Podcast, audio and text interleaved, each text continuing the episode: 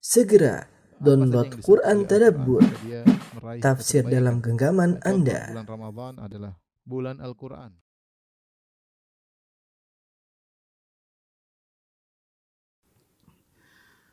Alhamdulillahi ala ihsanih wa syukru lahu ala taufiqihi wa amtinanih wa asyhadu an la ilaha illallah wahdahu la syarika lahu ta'ziman li wa asyhadu anna Muhammadan abduhu wa rasuluhu da ila ridwanih Allahumma salli alaihi wa ala alihi wa ashabihi wa ikhwanih.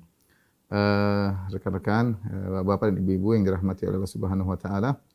Uh, pada kesempatan kali ini kita akan bahas satu poin yang sangat uh, penting dan dia merupakan dari makna dari syahadatain asyhadu alla ilaha illallah wa asyhadu anna muhammadan abduhu wa rasuluh ya yang kita tahu bahwasanya kalau la ilaha illallah tidak ada sembahan yang berhak disembah kecuali Allah Subhanahu wa taala dan adapun syahadah Muhammad Rasulullah yaitu ittiba kepada Nabi sallallahu alaihi wasallam. Taatuhu fi ma amar ya. Yaitu maknanya adalah taat kepada Rasul apa yang dia perintahkan. Eh, kemudian ijtinab ma naha anhu wa zajar meninggalkan apa yang dilarang uh, dan diperingatkan oleh Nabi sallallahu alaihi wasallam.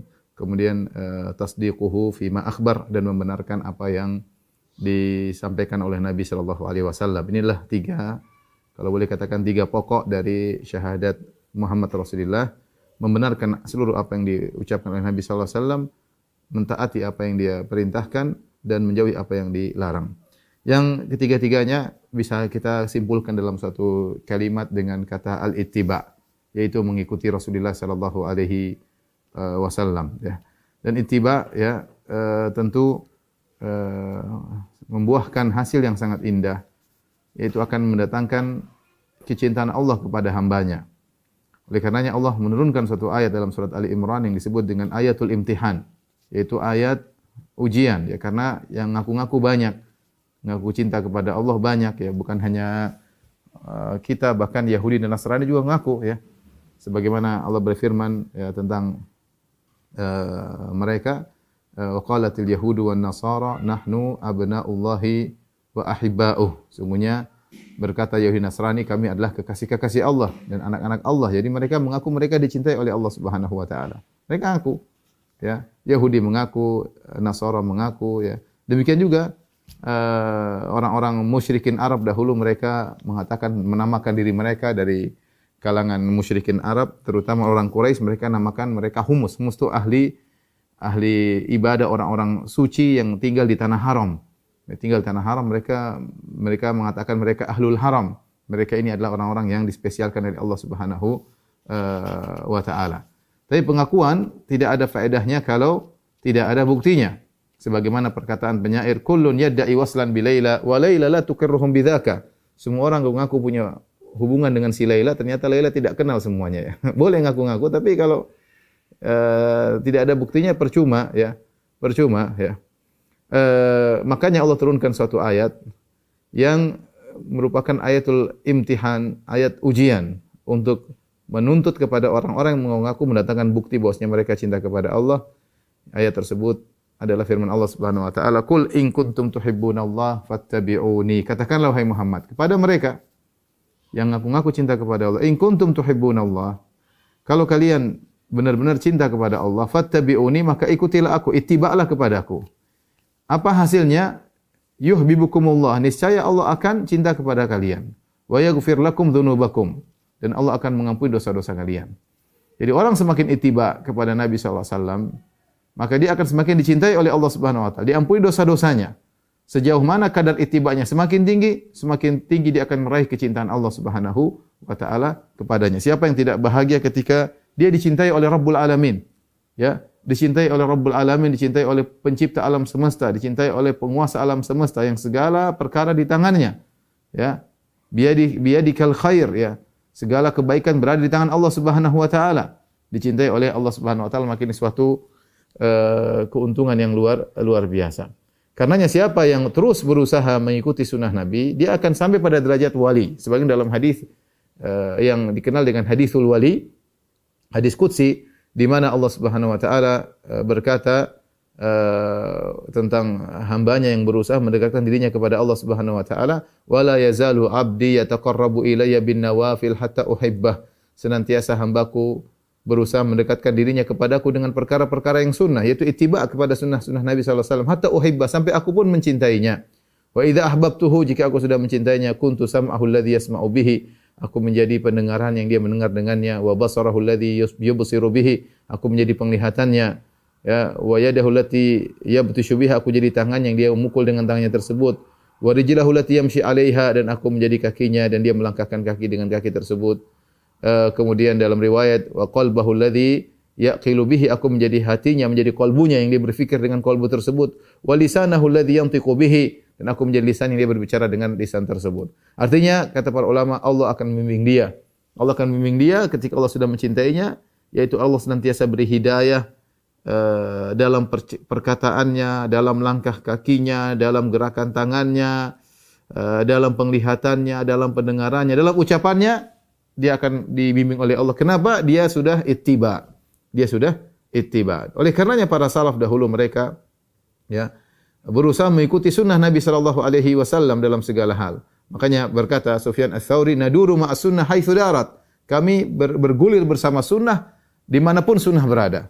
Ya, uh, dia berkata, "Lau lau istata'ta alla tahukka ra'saka illa bis sunnah faf'al." Kalau kau mampu tidak menggaruk kepalamu kecuali ada dalilnya dari sunnah Nabi, lakukanlah. Artinya mengatakan berusaha apapun yang kau lakukan dalam kegiatanmu seharian, usahakan ada sunnahnya. Masuk rumah bagaimana sunnahnya? Berusaha berusaha kenali sunnah Nabi wasallam. Uh, berinteraksi dengan suami, berinteraksi dengan istri, berinteraksi dengan anak-anak, lihat hadis-hadis tentang sunnah-sunnah Nabi, baik sunnah fi'liyah, uh, contoh perbuatan praktek Nabi langsung atau sunnah qauliyah, perkataan Nabi alaihi wasallam, sunnah takririyah di mana sunnah Nabi wasallam membenarkan apa yang dilihat oleh Nabi wasallam. Kenali sunnah-sunnah tersebut sehingga kau bisa menjalankan sunnah Nabi bisa ittiba kepada uh, Rasulullah uh, wasallam. Ini uh, mukaddimah tentang uh, keutamaan mencintai atau keutamaan mengikuti sunnah Nabi sallallahu alaihi wasallam akan akan meraih kecintaan Allah uh, kepadanya dan juga akan dibimbing oleh Allah Subhanahu wa taala dan diampuni dosa-dosanya oleh Allah Subhanahu uh, wa taala.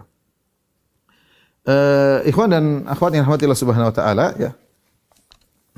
Kita akan bahas tentang tentang al-ittiba ya tentang pentingnya kita mengikuti Rasulullah sallallahu alaihi wasallam. Tiba. Kemudian uh, kita akan bicara tentang uh, apa namanya urgensinya. Tentu sangat banyak ya. Al-ittiba. Tentu saya sudah sebutkan tadi di antaranya al-ittiba ya, itulah makna hakiki dari dari syahadat Muhammad Rasulullah syahadat Muhammad Rasulullah ya. ya. Yaitu tasdiquhu fi ma akhbar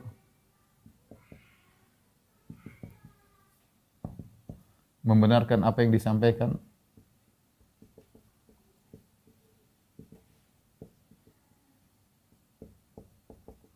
Kemudian uh, taatuhu fi ma amar taat atas perintahnya. Kemudian yang ketiga adalah uh, uh, ijtinab. Ijtinab ma naha anhu wa zajar. Meninggalkan larangan. Larangan Nabi sallallahu alaihi wasallam Sebagian ulama menambahkan lagi ya, ya yaitu dalam ketaatan wa alla wa alla ya'budallah illa bima syara'a tidak menyembah Allah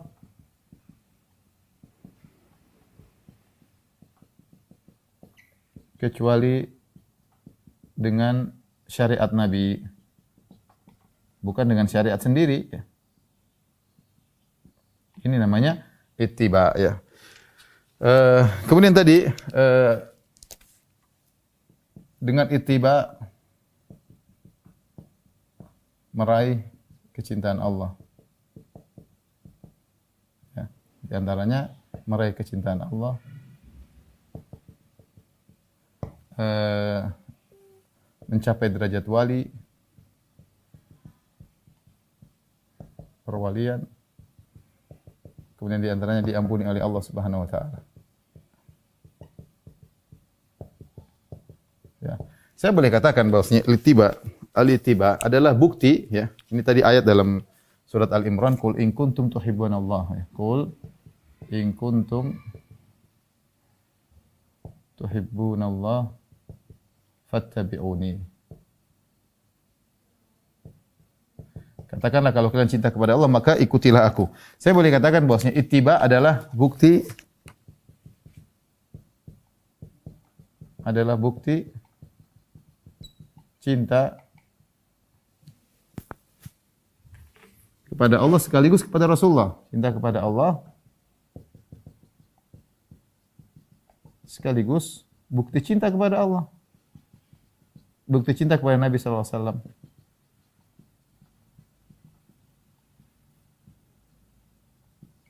Ya, karena logik sangat logis seorang kalau mencintai yang lain dia berusaha mengikutinya. Ya, kita sekarang lihat bagaimana orang-orang ketika cinta kepada seorang artis apapun diikuti gayanya, tutur katanya, model rambutnya, model bajunya, gaya jalannya diikuti. Ya, kalau orang cinta kepada Nabi wasallam bagaimana uh, mereka berusaha mengikuti yang dilakukan oleh Nabi alaihi wasallam. Itu dipraktikkan oleh para sahabat. Mereka berusaha mengikuti apa yang disukai oleh Nabi sallallahu alaihi wasallam. Bahkan mereka sengaja makan apa yang disukai dimakan oleh Nabi sallallahu alaihi eh, wasallam. Bukan bahkan bukan cuma peribadatan yang mereka ikuti, bahkan cara uh, makanan pun mereka berusaha untuk mengikuti. Kenapa saking cintanya kepada Nabi Shallallahu Alaihi eh, Wasallam ya. Uh, dan kita tahu kalau kita sudah semakin itiba, semakin cinta, ya semakin itiba, semakin cinta kepada Nabi Shallallahu Alaihi Wasallam. Ya. Ini sudah sangat sangat apa namanya uh, jelas sekali ya. Semakin itiba, semakin cinta kepada Nabi. Makanya kalau ada orang ngaku-ngaku cinta kepada Nabi sallallahu alaihi wasallam tapi tidak pernah dia lakukan sunnah Nabi, yang dia ikuti fulan, gaya fulan, terus gimana mau cinta sama Nabi? Mana buktinya? Kalau kamu cinta Nabi, kamu harus mengikuti Nabi ngomong apa, Nabi suruh ini taat ya. Ya. Lau kunta muhibban la ata'tahu ya. Ya. Innal muhibbu innal muhibba liman yuhibbu muti'u sebagaimana uh, perkataan seorang penyair kalau kau memang cinta kepada Nabi atau kepada Allah tentu kau akan taat kepadanya. Sungguhnya orang yang mencintai itu akan taat kepada yang dia dia cintai. Sederhana. Tapi kalau ternyata ngaku cinta kepada Nabi tapi melanggar perintah-perintah Nabi Shallallahu Alaihi Wasallam, melakukan ibadah bukan dengan yang diajarkan oleh Nabi, bikin sendiri tidak puas dengan apa yang diajarkan oleh Nabi Wasallam, maka bagaimana mau dikatakan dia cinta kepada Nabi Wasallam? Ya. Uh, di antara juga, ya, Nabi diutusnya Nabi adalah nikmat dari Allah Subhanahu wa taala.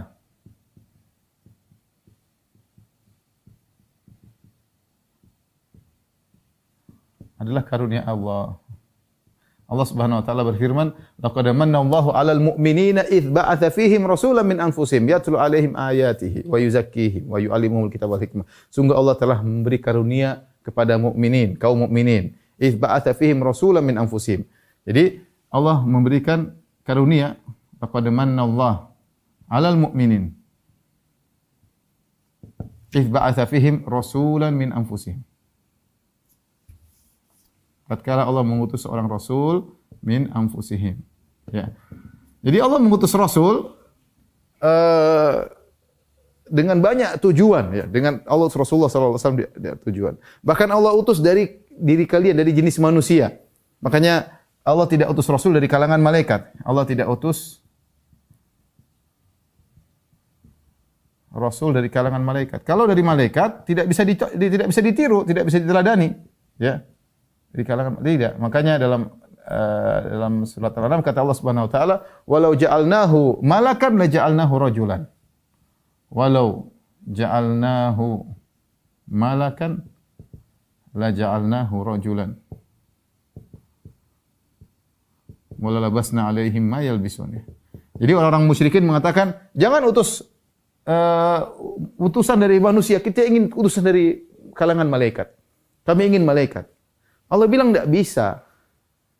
Diutusnya Rasul itu agar kalian bisa teladani. Bahkan Allah mengatakan, walau ja'alnahu malakan, seandainya utusan kami adalah malaikat, bukan manusia, la ja'alnahu rojulan, kami akan tetap saja menjadikan dia seorang lelaki. Supaya apa? Supaya kalian bisa contohi, supaya bisa kalian uh, contohi. Ya. Ini di antara uh, Diutusnya Nabi karena Allah. Apa fungsinya? Fungsi diutusnya Nabi?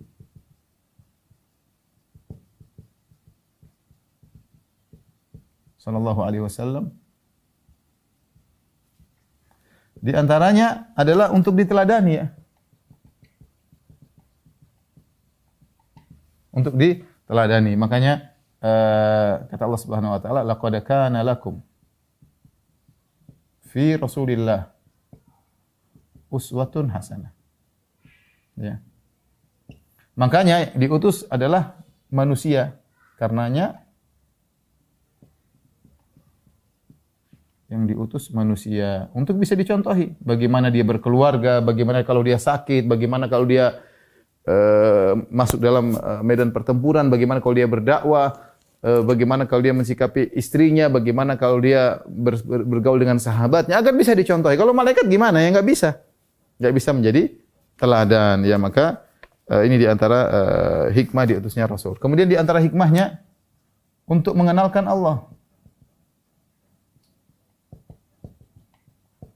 Ya. Akal ini, akal memang bisa mengenali uh, Allah tapi secara global Tuhan itu ada. Iya, secara global kita bisa. Akal kita menunjukkan Tuhan itu ada. Gak mungkin ini semua terjadi tanpa ada yang menciptakan.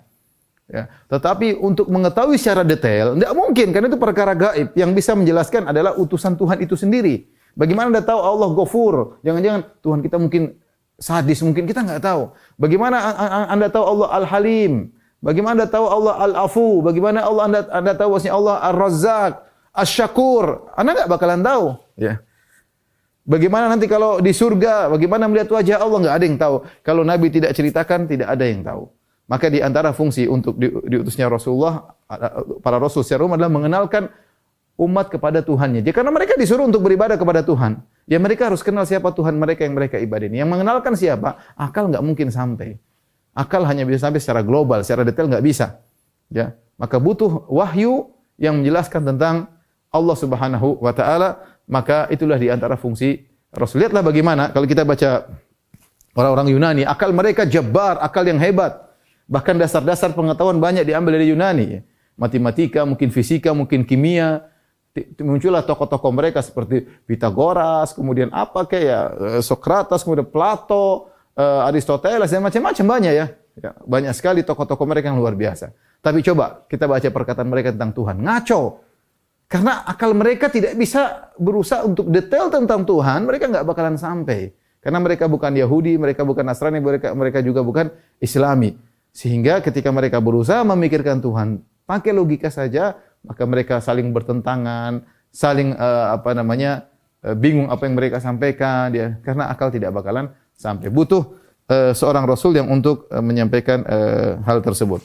Di antara fungsi uh, Rasul adalah memberi peringatan dan beri kabar gembira. Inna arsalnaka syahidan uh, uh, apa mubasyiran wa nadhira. Wa nadhira penyampai kabar gembira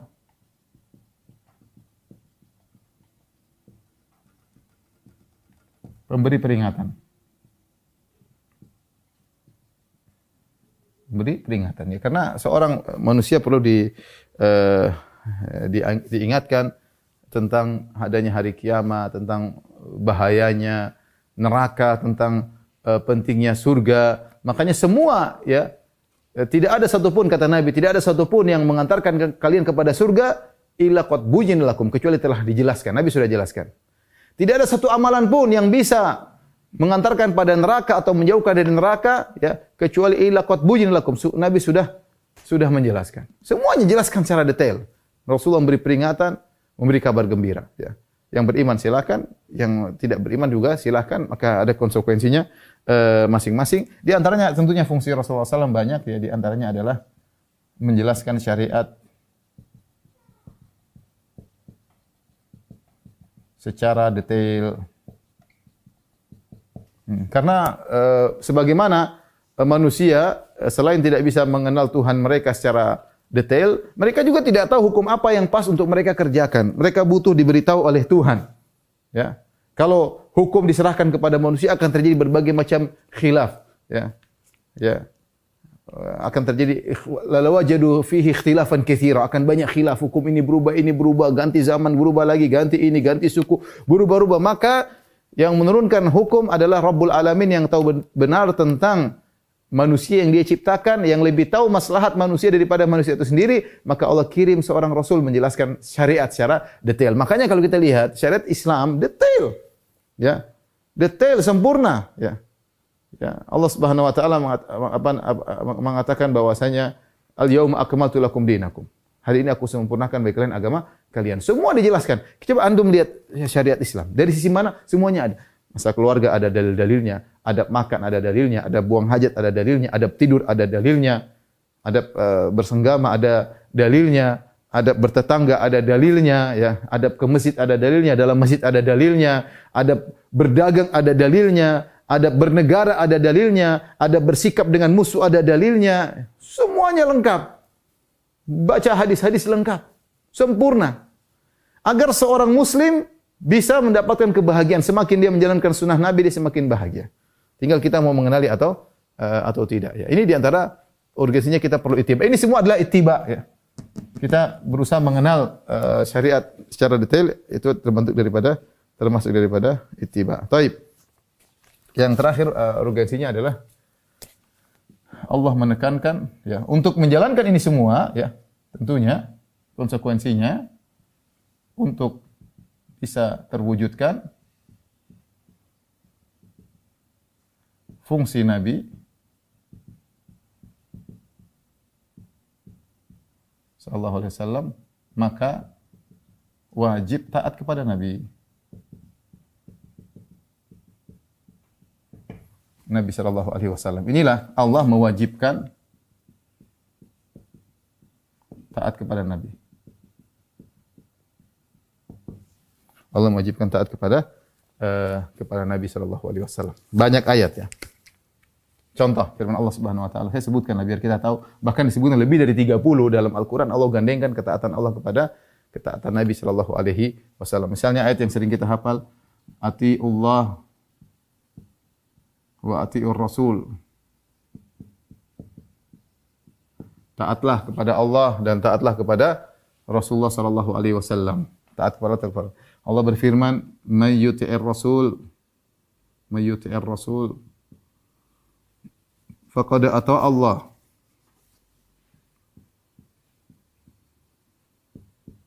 Faqad ata Allah.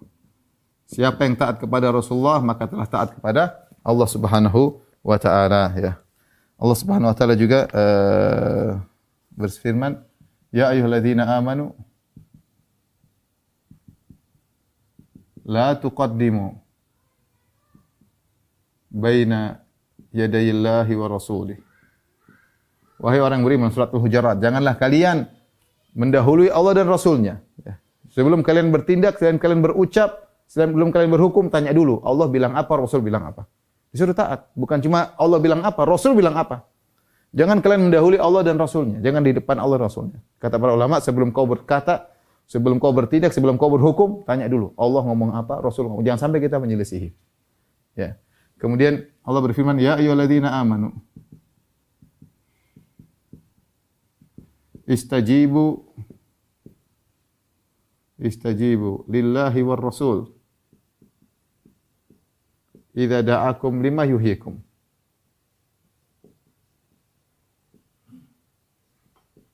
Wahai orang beriman, penuhilah panggilan Allah dan Rasulnya ya. Jika mereka memanggilmu ya. Jadi disuruh istajibu penuhi panggilan ya. Kalau dipanggil ya sami'na wa ata'na. Sami'na wa ata'na ya. Allah berfirman ya inna makana qaulul mu'minin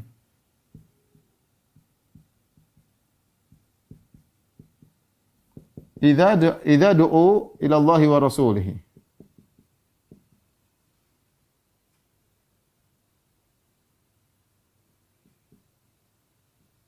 Liyahkuma bainahum.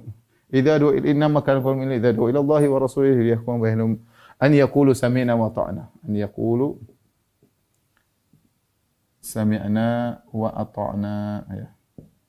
kami mendengar dan kami taat. Itulah perkataan orang-orang yang uh, uh, beriman ya. Allah juga berfirman, "Wa ma atakumur rasul fakhudhuh wa ma nahakum anhu fantahu." Kata Allah, apa yang Rasulullah datangkan, ambillah. Fakhudhuh. Apa yang Rasulullah SAW bawa, ambillah. Semua yang Rasulullah sampaikan, ambillah. Wa ma nahakum anhu fantahu. Dan apa yang Rasulullah larang, maka berhentilah. Maka berhentilah. ya. Ini Allah memerintahkan kita wajib untuk taat kepada Rasulullah sallallahu alaihi uh, wasallam. Demikian juga ya eh, bahwasanya Hadis-hadis juga lebih lagi terlalu banyak dalil Rasulullah SAW menyuruh kita untuk taat kepadanya. Seperti sabda Nabi SAW, eh, Kullu ummati yadkhulul jannata ila man aba. Semua umatku mau surga kecuali yang enggan. Qalu wa man ya'ba ya Rasul? Siapa yang enggan masuk surga? Kata Rasulullah SAW, man ata'ani dakhalal jannah. Yang taat kepada kau masuk surga, wa man asani dakhalan nar. Faqad aba. Siapa yang enggan taat kepadaku, maka dia telah enggan untuk masuk uh, surga. Ya. Nabi SAW juga bersabda, Ala innama utituhu innama utitul Quran wa mithlahu ma'ahu ketahuilah bahwasanya aku diberikan Al-Quran dan yang semisalnya. Ini uh, mukaddimah tentang wajibnya taat kepada Nabi sallallahu alaihi wasallam. Kemudian juga satu lagi terakhir ya, larangan Allah untuk menyelisih Nabi sallallahu alaihi wasallam ya. Kita sini lah. Ya. Larangan Allah jangan sampai menyelisih Nabi.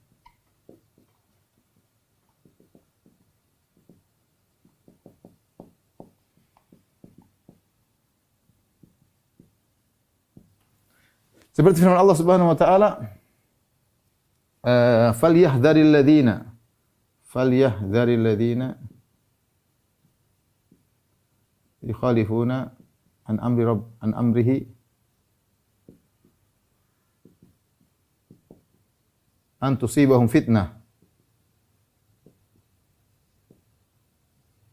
atau yusibahum adabun alim dalam surat An-Nur atau yusibahum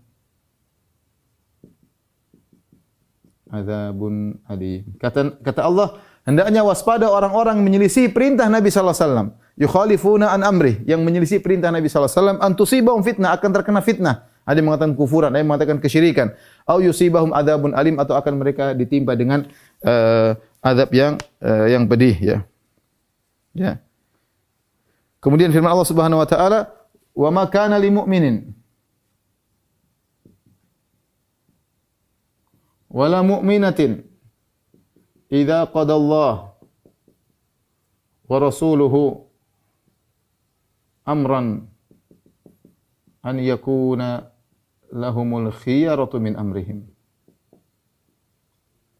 Kata kata Allah Subhanahu wa taala tidak pantas bagi seorang laki mukmin maupun seorang wanita mukminah kalau Allah dan Rasulnya sudah beri keputusan kemudian dia punya pilihan yang lain. Enggak boleh Allah sudah bilang begini, hukumnya begini, Nabi bilang hukumnya begini, dia masih cari pilihan lain. Enggak boleh itu namanya tidak beriman itu namanya uh, tidak me me me mewujudkan syahadat Muhammad Rasulullah, ya. Syahadat Muhammad Rasulullah ter, dipertanyakan dan dan itu uh, menunjukkan bahwasanya dia tidak menerima Rasulullah sebagai nabinya. Makanya di antara zikir pagi petang kita berdoa ya uh, apa namanya uh, apa namanya kita mengatakan raitu billahi rabba wa bil islami dina wa bi muhammadin nabiyyan wa rasulah. Zikir pagi petang. Aku ridha Allah sebagai Tuhanku. Aku ridha Islam sebagai agama. Aku ridha Nabi sebagai Muhammad sebagai nabiku. Bagaimana kamu ridha Nabi Muhammad sebagai nabimu sementara kau tidak terima keputusan Nabi? Kau protes dengan keputusan Nabi? Ya. Kau protes ya. Lebih parah lagi Allah Subhanahu wa taala mengatakan Fala wa rabbika la yu'minun. Ini sangat fala wa rabbika la yu'minun hatta yuhaqqimuka fi ma shajara bainahum thumma la yajidu fi anfusihim harajan mimma qadaita wa yusallimu taslima. Kata Allah, demi Rabbmu sungguhnya mereka tidak beriman. Hatta yuhaqqimuka fi ma shajara bainahum sampai mereka menjadikan engkau sebagai hakim di antara mereka. Summa la yajidu fi anfusihim harajan. Setelah itu mereka tidak menemukan gerundal dalam hati mereka. Wa yusallimu taslima dan mereka benar-benar pasrah. Jadi ini urgensinya kenapa bicara ittiba? Saya urutkan lagi, ulangi dari awal. Ittiba itulah makna dari syahadat Muhammad Rasulullah. Ya. Ittiba itu syahadat Rasulullah. Ini empat perkara. Membenarkan apa yang diucapkan Nabi, taat kepada perintahnya, jauhi larangannya, beribadah dengan beribadah dengan ajaran Nabi. Oh, bicara beribadah dengan ibadah secara sendiri, ngapain Nabi diutus kalau begitu? Ya. Inilah makna syahadat Muhammad Rasulullah. Apa faedahnya ittiba dengan ittiba meraih kecintaan Allah, mencapai derajat kewalian, diampuni oleh Allah Subhanahu wa taala. Ya, semakin ittiba semakin cinta kepada Nabi. Jelas. Orang semakin cinta kepada seorang dia akan ikuti apa yang diucapkan, apa yang dilakukan dia akan ikuti. Ya, ingat diutusnya Nabi adalah karunia dari Allah Subhanahu wa taala. Qad manallahu 'alal mu'minin, bahwasanya Allah mengutus Nabi sebagai karunia.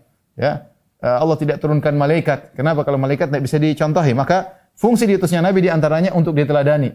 Laqad kana lakum fi Rasulillahi uswatun hasanah. Sungguh pada jiwa Nabi diri Nabi seluruhnya adalah uswah hasanah. Nabi semua perbuatannya adalah contoh teladan.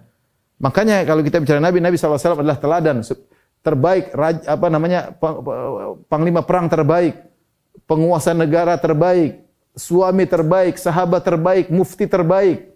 Ya, kalau lagi punya uang banyak, punya harta banyak, orang kaya terbaik dia sumbang. Kalau dia lagi susah jadi yang miskin yang terbaik, semuanya terbaik Rasulullah sallallahu alaihi wasallam. Sungguh dalam kegiatan Nabi semuanya adalah uswah hasanah.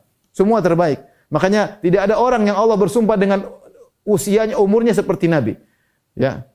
La amruka kata Allah dalam surat Al-Hijr, la amruka innahum la fi sakratihim ya'mahun. Demi umurmu wahai Muhammad. Kenapa Allah bersumpah dengan kehidupan Nabi dengan umur Nabi? Karena semua umur Nabi teladan. Teladan semuanya. Maka Allah tidak utus malaikat, Allah utusnya. Fungsinya kita yang meneladani. Ya, ini tiba kalau meneladani tiba namanya. Ya. Di antara fungsi Nabi mengenalkan Allah kepada kita. Nabi jelaskan Allah begini, Allah punya sifat-sifat begini. Kalau di surga bagaimana Allah berbicara dengan penghuni surga. Allah Nabi jelaskan secara detail. Ya. Sebagai memberi kabar gembira, beri peringatan agar orang tidak lalai. Ingat ada hari akhirat. Kemudian menjelaskan syariat secara sempurna untuk bisa diamalkan. Itiba juga. Ini semua adalah uh, konsekuensi daripada itiba. Nah, untuk ini semua bisa dilaksanakan, maka Allah mewajibkan taat kepada Nabi dan melarang untuk menyelisih Rasulullah sallallahu alaihi eh, wasallam. Tapi tolong dihapus.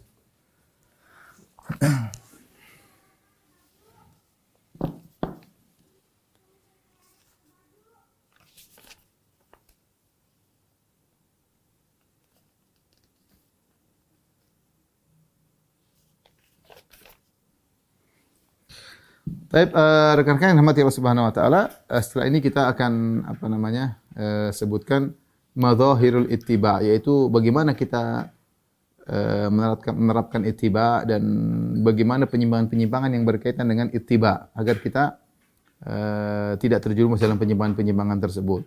Semakin kita bisa menunjukkan penampakan ittiba maka tentu semakin baik, semakin dekat kepada Allah, semakin cinta kepada Nabi sallallahu alaihi wasallam Eh, dan semakin kita jauh dari ittiba, semakin menyimpang maka semakin jauh dari kecintaan Allah Subhanahu eh, eh, wa taala.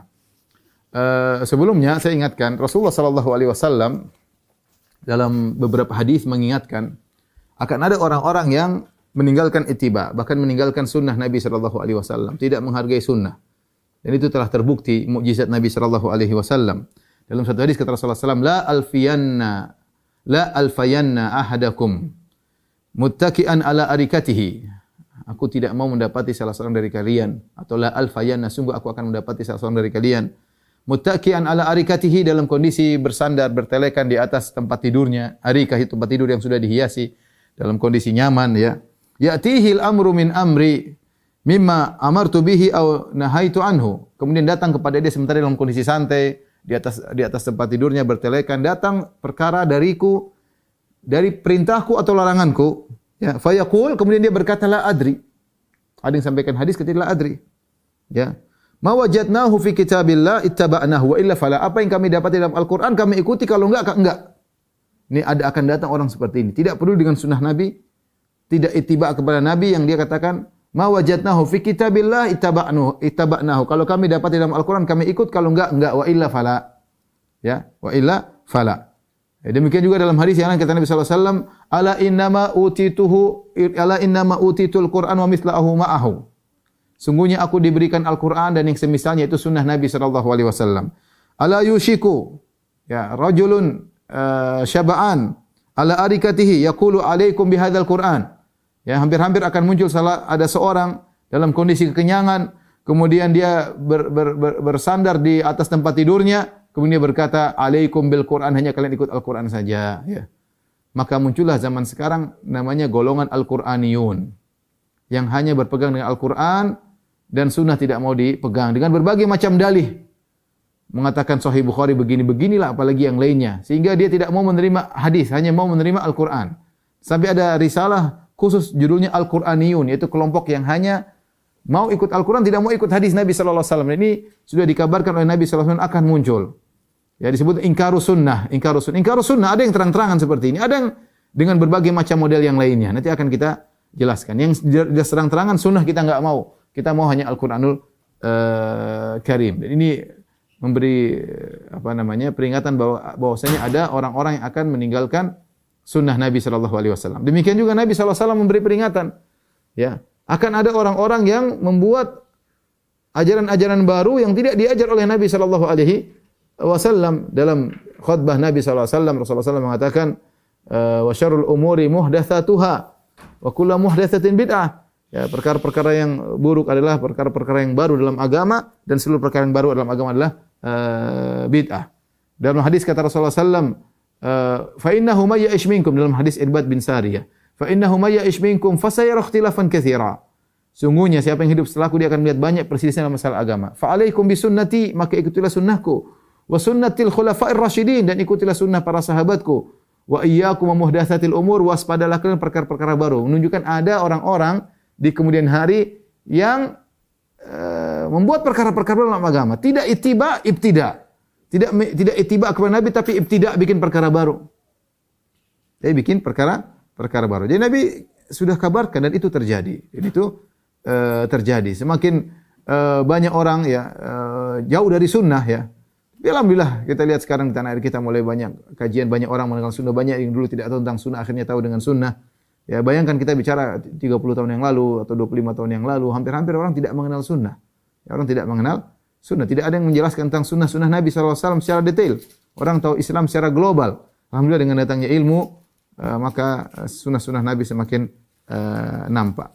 Tapi kita pembahasan berikutnya adalah tentang madhahirul ittiba. Ya. Uh, atau bahasa kita praktek-praktek al-ittiba. Ittiba itu maksudnya mengikuti Nabi sallallahu alaihi wasallam ya. Praktek-praktek al-ittiba. Ittiba maksudnya ittiba Rasul itu mengikuti Nabi sallallahu alaihi eh, wasallam ya. Di antara praktek-praktek al-ittiba ya adalah uh, pertama kembali kepada Rasulullah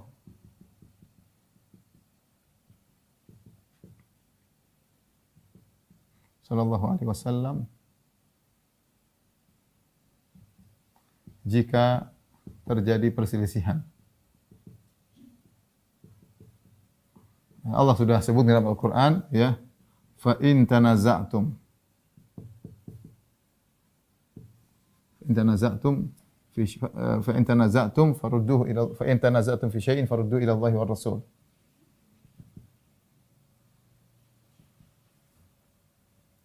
Farudduhu ila Allah war rasul in kuntum tu'minuna billahi wal yawmil akhir.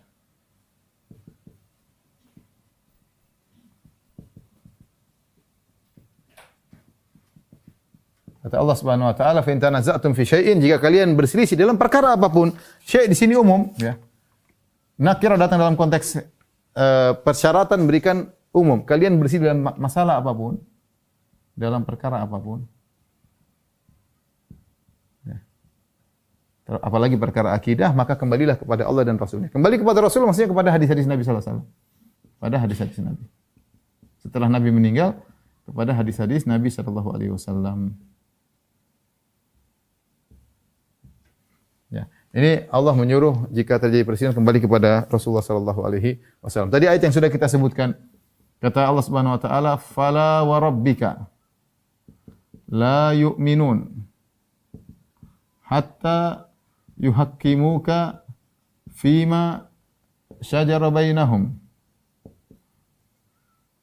thumma la yajidu fi anfusihim harajan mimma qadaita wa yusallimu taslima Kata Allah Subhanahu wa taala, "Demi Rabbmu, sungguh mereka tidak beriman." Tidak beriman sampai kapan? Sampai hatta yuhakimuka sampai mereka menjadikan engkau sebagai hakim. Fima syajara bainahum pada perkara yang mereka perselisihkan. Setelah itu apa? Thumma la yajidu fi anfusihim harajan. Setelah itu mereka tidak mendapati gunung dalam hati mereka sedikit pun atas keputusanmu mimma qadait wa yusallimu taslima dan mereka pasrah terima dengan penuh penerimaan. Subhanallah. Jadi kalau anda ittiba, kalau ada hadis Rasul terima. Apa kata apa namanya? Uh, Imam Syafi'i, "Idza sahal hadis fa huwa madhhabi." Kalau telah sahih satu hadis itu madhabku. Imam Syafi'i mengatakan kalau kalian mendapati hadis Nabi menyelisih perkataanku, fadribu qawli bi, bi, bi ardhil haid. Lemparkanlah uh, perkataanku. Jangan jangan ikuti aku kalau menyelisih Rasulullah sallallahu alaihi wasallam. Ya. Ini bahwasanya segala permasalahan kita kembalikan kepada uh, dalil Al-Qur'an dan hadis Nabi sallallahu alaihi wasallam terutama masalah akidah.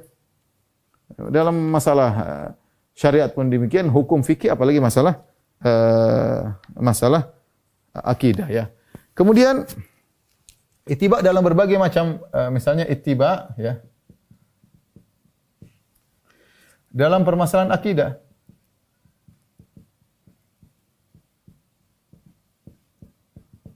Ya. Ya. Kita masalah akidah. Tadi saya bilang di antara fungsi Allah mengutus Rasulullah sallallahu alaihi wasallam untuk mengenalkan kita kepada Allah Subhanahu wa taala. Rasulullah dengan ayat-ayat Al-Quran dengan hadis-hadis Nabi dan banyak hadis-hadis Nabi berbicara tentang sifat-sifat Allah Subhanahu wa taala. Banyak sekali. Ya. Rasulullah menjelaskan uh, bahwasanya Allah Subhanahu wa taala mencintai uh, Allah juga bisa dicintai oleh hambanya. Bahkan kalau Allah sudah mencintai seorang Allah terkadang beritahu kepada Jibril ya. Banyak uh, tadi agar orang bisa dicintai oleh Allah maka berusaha menjalankan sunnah-sunnah Nabi. Allah Nabi sebutkan juga dalam Al-Qur'an Allah ridha dalam hadis juga Allah ridha kepada hamba yang melakukan demikian-demikian. Allah merahmati yang melakukan Allah murka, Allah banyak Allah murka, kadang Allah marah ya. Eh, terkadang Allah cinta. Semuanya dijelaskan ya. Dijelaskan ya. Allah juga memiliki sifat-sifat ya yang Nabi jelaskan. Maka kita harus beriman. Beriman kepada ini semua. Jangan mendahulukan akal daripada dalil ya. Maka di antara penyimpangan dalam hal ini di antara penyimpangan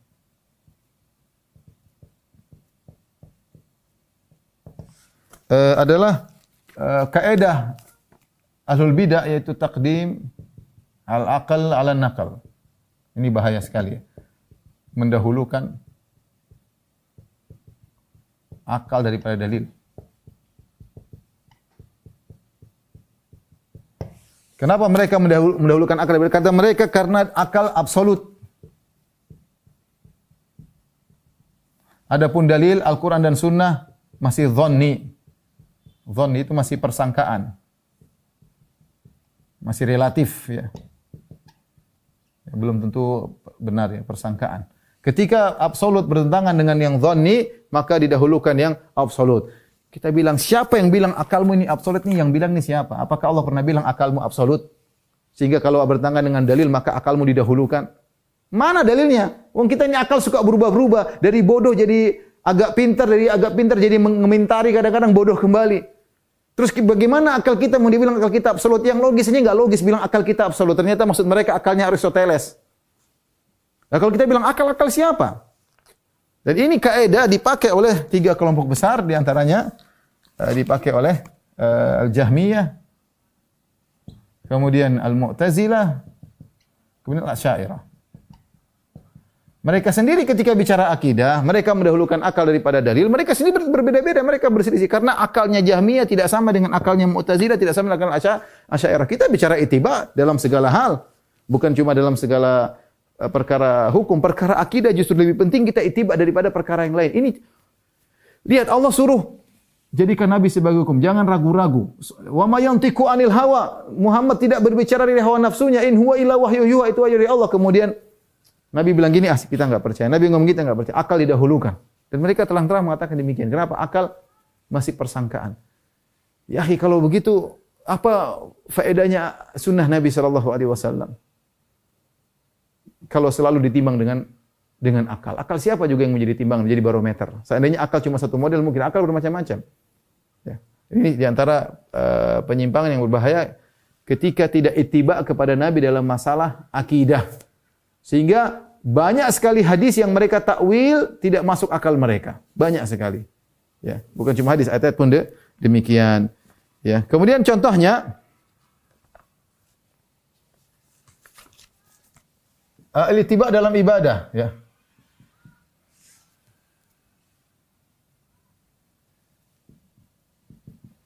Al-ittiba fil ibadat. Ittiba dalam ibadah. Ya, akhi, tidak perlu kita bikin bid'ah, tidak perlu kita ngarang ibadah, ya. Tidak perlu kita kreasi bikin ibadah. Tidak perlu. Ya. Tidak perlu kita bikin. Nabi sudah mencontohkan semuanya. Banyak orang pernah menjadi orang soleh tanpa bid'ah. Abu Bakar, menjadi Umar menjadi orang soleh tanpa acara-acara baru, enggak perlu. Nabi diutus untuk memberi contoh. Nah sekarang kita kita mengaku ahlus sunnah wal jamaah, tapi yang kita kerjakan bukan sunnah.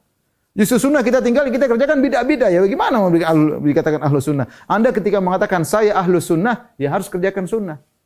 Sunnah itu apa? Yang dicontohkan oleh Nabi. Bagaimana anda mengerjakan sunnah sementara tidak dikerjakan oleh Nabi SAW? Makanya saya kembali lagi sebelum ini, saya kembali masalah akidah. Dahulu para ulama, mereka banyak menulis buku, judulnya As-Sunnah. Banyak ulama menulis buku dengan judul As-Sunnah.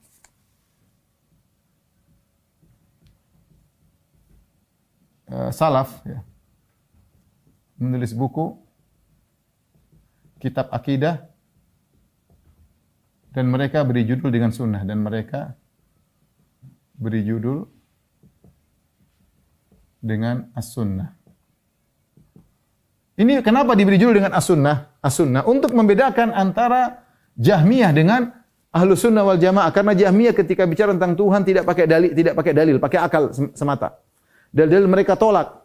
Makanya mereka tulis tentang As-Sunnah karena untuk membedakan Ahlu Sunnah dengan Jahmiyah. Contoh misalnya As-Sunnah lil Marwazi, Sunnah li Abdullah bin Ahmad, Sunnah karya Abdullah bin Imam Ahmad, anaknya Imam Ahmad, Sunnah lil Khalal, ya. Banyak ya kitab-kitab Sunnah li Abi Asim. Kitab-kitab dinamakan dengan kitab Sunnah untuk membantah alul bidah yang mereka meninggalkan sunnah dalam masalah akidah. Tapi kita bicara tentang masalah al-ittiba fil ibadat, ibadah dalam ittiba dalam ibadah. Tidak perlu kita kreasi bikin ibadah yang. Kenapa? Ibadah yang sunnah saja sudah terlalu banyak. sudah terlalu banyak. Tidak bisa kita kerjakan semua.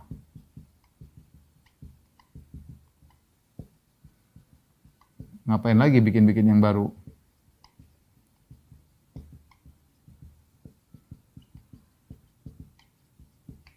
Nah, anda ahlu sunnah, itiba. Kalau saya, kita itu enggak usah spekulasi. Ibadah yang jelas-jelas saja. Yang Nabi contohkan kerjakan, yang enggak enggak usah. Nabi kerjakan kerjakan, yang enggak yang enggak usah. Tadi perkataan Sufyan Ats-Tsauri, "Lau istata'ta alla tahukka ra'sa ila bisunnah faf'al." Kalau kau mampu tidak menggaruk kepalamu kecuali dalilnya lakukanlah. Kita sudah lengkap contohnya. Kalau uh, orang meninggal bagaimana sunnahnya, apa yang dikerjakan ketika meninggalnya, apa yang dikerjakan ketika menguburkannya, apa yang dikerjakan setelah dikuburkan, semua sudah dijelaskan. Ngapain kita bikin yang baru-baru sendiri? Solat pun sudah Nabi jelaskan bagaimana Nabi sudah solat berapa kali para sahabat lihat Nabi solat. Apa yang dikerjakan sebelum solat, apa yang dikerjakan ketika solat, apa yang dilakukan zikir setelah solat dikerjakan. Jangan kita bikin macam-macam lagi. Ya. ya. Sekarang orang bikin ah semuanya baik Ustaz, semuanya baik boleh. Sederhana aja kita bilang eh, coba kalau ada orang ya eh, kemudian azan dan iqamat untuk solat tahiyatul masjid misalnya. Bukankah azan bagus, iqamat bagus ya saya mau tahiyatul masjid atau solat id lah. Solat id. Kenapa kita enggak azan niqamah? Coba. Kan kita bisa analogikan dong dengan solat azan solat id lebih bagus lagi. Kita syiar, kita azan. Ternyata Nabi tidak contohkan. Dan tidak ada yang berani azan solat id. Tidak ada yang berani iqamat solat id. Padahal kalau kita mau logika-logikakan ya baik-baik saja. Kenapa dilarang? Ternyata Nabi tidak mencontoh. Tanya mereka, tanya sama ulama, kenapa tidak ada azan solat id dan iqamat solat id? Jawabannya mereka, Nabi tidak pernah mencontohkan. Nabi tidak pernah mencontohkan. Sederhana. Sama saya sampaikan contohnya kalau uh, apa namanya antum datang kumpul rame kemudian bikin solat tahiyatul masjid berjamaah. Itu orang akan mengingkari apalagi pakai adzan iqamat. Ini kan bagus berjamaah iya tapi tahiyatul masjid rame-rame. Terus uh, ada azan iqamat ya pasti orang mengingkari. Ya. Tanya kenapa kalau setelah sa'i kita tidak ada solat sunnah setelah sa'i? Setelah tawaf ada. Kenapa kita enggak bikin solat sunnah dua rakaat setelah sa'i? Kenapa? Nabi tidak pernah melarang, tidak pernah. Tapi orang tidak berani mengatakan disyariatkan. Kenapa? Karena Nabi tidak pernah melakukannya. Nabi tidak pernah melakukannya. Mungkin nanti kalau kita buka pintu ini kreasi orang akan bikin kreasi. Kenapa kalau kita bersin? Alhamdulillah. Kenapa enggak kita langsung baca Hashim Alhamdulillah alamin arrahmanir rahim maliki yaumiddin. Kan Al-Fatihah lengkap lebih bagus. Kenapa Anda enggak baca Al-Fatihah sekalian? Kenapa cuma alhamdulillah? Alhamdulillah alamin. Kenapa? Karena contohnya cuma segitu. Kalau semua orang boleh berkreasi, Nabi buat apa diutus kalau begitu? Buat apa Nabi mencontohkan kalau semua orang bisa berkreasi? Said Ibn Musayyib ketemu seorang solat qobliyah subuh empat rakaat, dia tegur. Kenapa kau solat empat rakaat sebelum subuh? Rasulullah cuma dua. Kata dia, apakah Allah akan mengadabku gara-gara aku solat? Kata Said Ibn Musayyib, seorang tabi yang mengatakan, Allah mengadabmu bukan karena solat, tapi karena kau menyelisih sunnah Nabi SAW.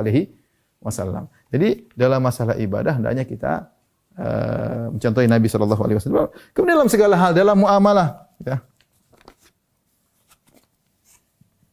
Dalam muamalah keseharian.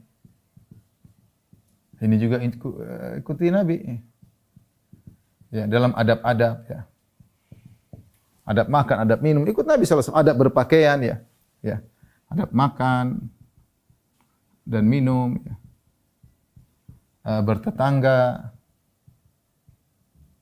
ya kemudian eh, kepada keluarga adab berpakaian semuanya kita ikuti kemudian juga di antaranya ittiba dalam akhlak ya. Al ittiba fi suluk. Tentang akhlak dan pensucian jiwa.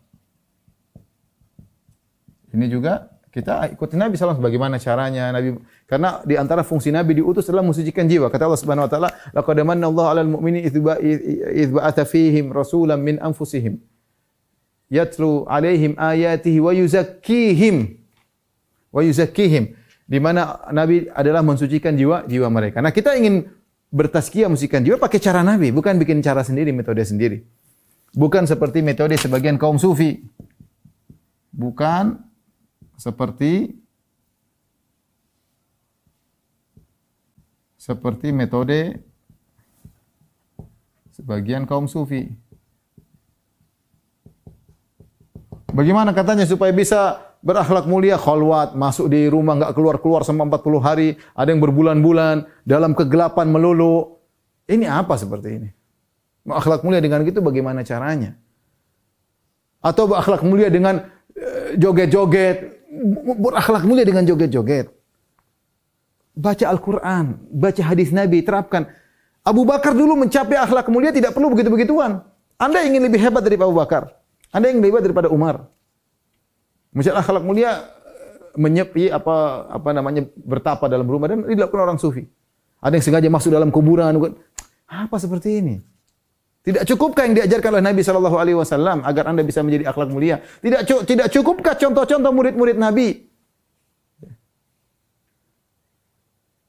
Ittabi'u wa la tabtagi'u qad kufitum kata Ibnu Mas'ud. Ikuti tinggal ikuti saja. Enggak usah enggak usah bikin macam-macam. Sudah cukup.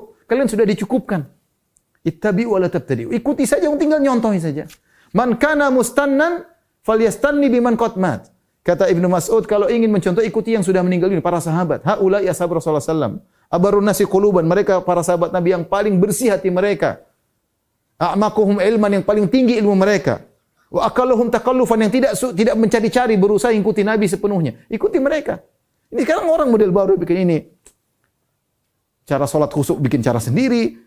Ini dari mana seperti ini? Bikin model masuk kuburan lah. Ya. Uh, pakai baju pocong lah kemudian. Macam-macam orang. Mau, mau, mau akhlak mulia seperti itu dari mana? Kau mau tazkiyatun nafas? sucikan jiwa suluk, ikuti ikuti sunnah Nabi sallallahu alaihi wasallam. Ikuti sunnah Nabi sallallahu alaihi wasallam. Istiqamah, ikuti cara Nabi sallallahu alaihi wasallam. Kata Allah, "Fastaqim kama umirta." Istiqamalah sebagaimana kau diperintahkan. Bukan bikin kreasi sendiri untuk istiqamah. Lihat ketika, saya sering sampaikan ini, ketika uh, Abu Darda berusaha mensucikan dirinya dengan caranya sendiri, tegur oleh Nabi sallallahu alaihi wasallam. Dia puasa terus, lupa perhatian sama istrinya. Lupa perhatian terhadap dirinya, kurang istirahat. Siang puasa, malam salat malam. Dari awal malam sudah salat malam. Maka Nabi tegur, "Inna li rabbika 'alaika haqqan." Allah punya hak. Wali jasadika 'alaika haqqan. Jasadmu juga punya hak. Wali zaurika 'alaika haqqan. Tamu juga punya hak. Ya. Wali ahlika 'alaika haqqan. Istrimu juga punya hak. Fa'ati kulli haqqin haqqah. Berikanlah masing-masing haknya. Lihat Islam sempurna, komprehensif. Ada tidak tidak ada proporsional, tidak porsi satu di berlebihkan yang lain jadi tumbal. Tidak, Islam tu luar biasa. Jangan ikuti pemikiran orang-orang sekarang kemudian ingin tazkiyatun nafas dengan cara sendiri yang tidak pernah diajarkan. Pasti ada sesuatu yang ditumbalkan. Pasti ada ketimpangan. Islam tidak demikian. Islam tidak tidak demikian ya. Uh, kemudian juga apa namanya? kaum sufi demikian juga dalam dalam apa? Dalam zikir juga ya. Ittiba dalam zikir ya. Al-ittiba fil azkar dalam berzikir kepada Allah. Ikut Nabi sallallahu alaihi wasallam. Bagaimana cara Nabi berzikir? Nah, bagaimana cara Nabi salat malam? Itu Nabi salat malam berjam-jam. Itu ikut Nabi sallallahu alaihi wasallam. Bagaimana berzikir Nabi wasallam? Bukan kemudian zikir goyang-goyang kepala juga kiri kemudian nari-nari. Enggak begitu zikir Nabi wasallam. Bukan begitu zikir Nabi. Bukan begitu cara zikirnya Abu Bakar, Umar dan Uthman. Bukan begitu cara berzikirnya Imam Syafi'i, Imam Ahmad, Imam Abu Hanifah, Imam Malik. Bukan demikian. Nanti sekarang bikin cara-cara zikir sekarang. Mudah. Subhanallah, Alhamdulillah. Tapi caranya tidak perlu dengan aneh-aneh yang tidak dicontohkan oleh Nabi Alaihi eh, Wasallam. Ya. Uh, kemudian juga dalam iltiba ya, fisiasa dalam siasat atau politik ya juga harus ittiba ya, berusaha untuk memperjuangkan hukum-hukum Allah Subhanahu wa taala bukan hukum manusia yang kita perjuangkan. Hukum Allah Subhanahu wa taala. Sebagian orang ya uh, tidak dia orang Islam tapi tidak ridha dengan hukum Islam tidak mau dengan hukum Islam bahkan memerangi hukum Islam dengan berbagai macam alasan terutama orang liberal maka waspada. Kita ittiba dalam segala hal. Yang menurunkan hukum itu Allah yang tahu bahwasanya Islam ini adalah agama yang layak dari zaman Nabi sampai hari kiamat. Bahkan Nabi Isa alaihissalam akan turun pada hari kiamat berhukum dengan hukum Islam. Kemudian mereka mengatakan oh, tidak relevan lagi, tidak perlu lagi, tidak cocok lagi, tidak ini. Ya, tapi cintalah kepada hukum Allah. Berusahalah apa hukmal jahiliyah ya bugun apa mereka mencari hukum ya, hukum jahiliyah, apa mereka meninggal hukum Allah mencari hukum jahiliyah, tidak akan pernah jaya suatu suatu negeri, tidak akan pernah mencapai pada uh, apa namanya puncak uh, apa namanya ibadah yang agung ketakwaan kepada Allah kalau tidak kembali kepada hukum-hukum Allah Subhanahu uh, wa taala. Ya. Uh, kemudian yang terakhir di antaranya saya, saya sudah singgung tadi uh, waspada dengan kelompok ingkar sunnah ya. Ingkar sunnah bisa dengan satu model-model pertama adalah mengingkari sunnah secara keseluruhan yang disebut al-Qur'aniyun atau dengan memberi persyaratan kepada sunnah Nabi sallallahu alaihi wasallam kata mereka kami hanya menerima sunnah kalau hadisnya mutawatir. Dan ini adalah pengingkaran terhadap sunnah Nabi wasallam. Mutawatir maksudnya yang meriwayatkan 10 sahabat atau lebih. Ini juga tidak benar ya. Nabi wasallam misalnya mengurus mengutus Muaz bin Jabal ke negeri Yaman untuk mengajarkan akidah. Sendiri Nabi utus. Kata mereka kalau satu hadis akidah harus 10 sahabat yang uh, apa namanya uh, meriwayatkan. Ini perkataan orang-orang Mu'tazilah.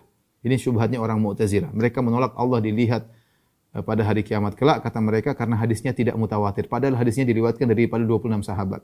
Sudah jahil, tidak ngerti ya. Karena ketika hadis tentang Allah dilihat pada hari kiamat bertentangan dengan akidah mereka, mereka bilang ah ini tidak mutawatir. Seperti itu.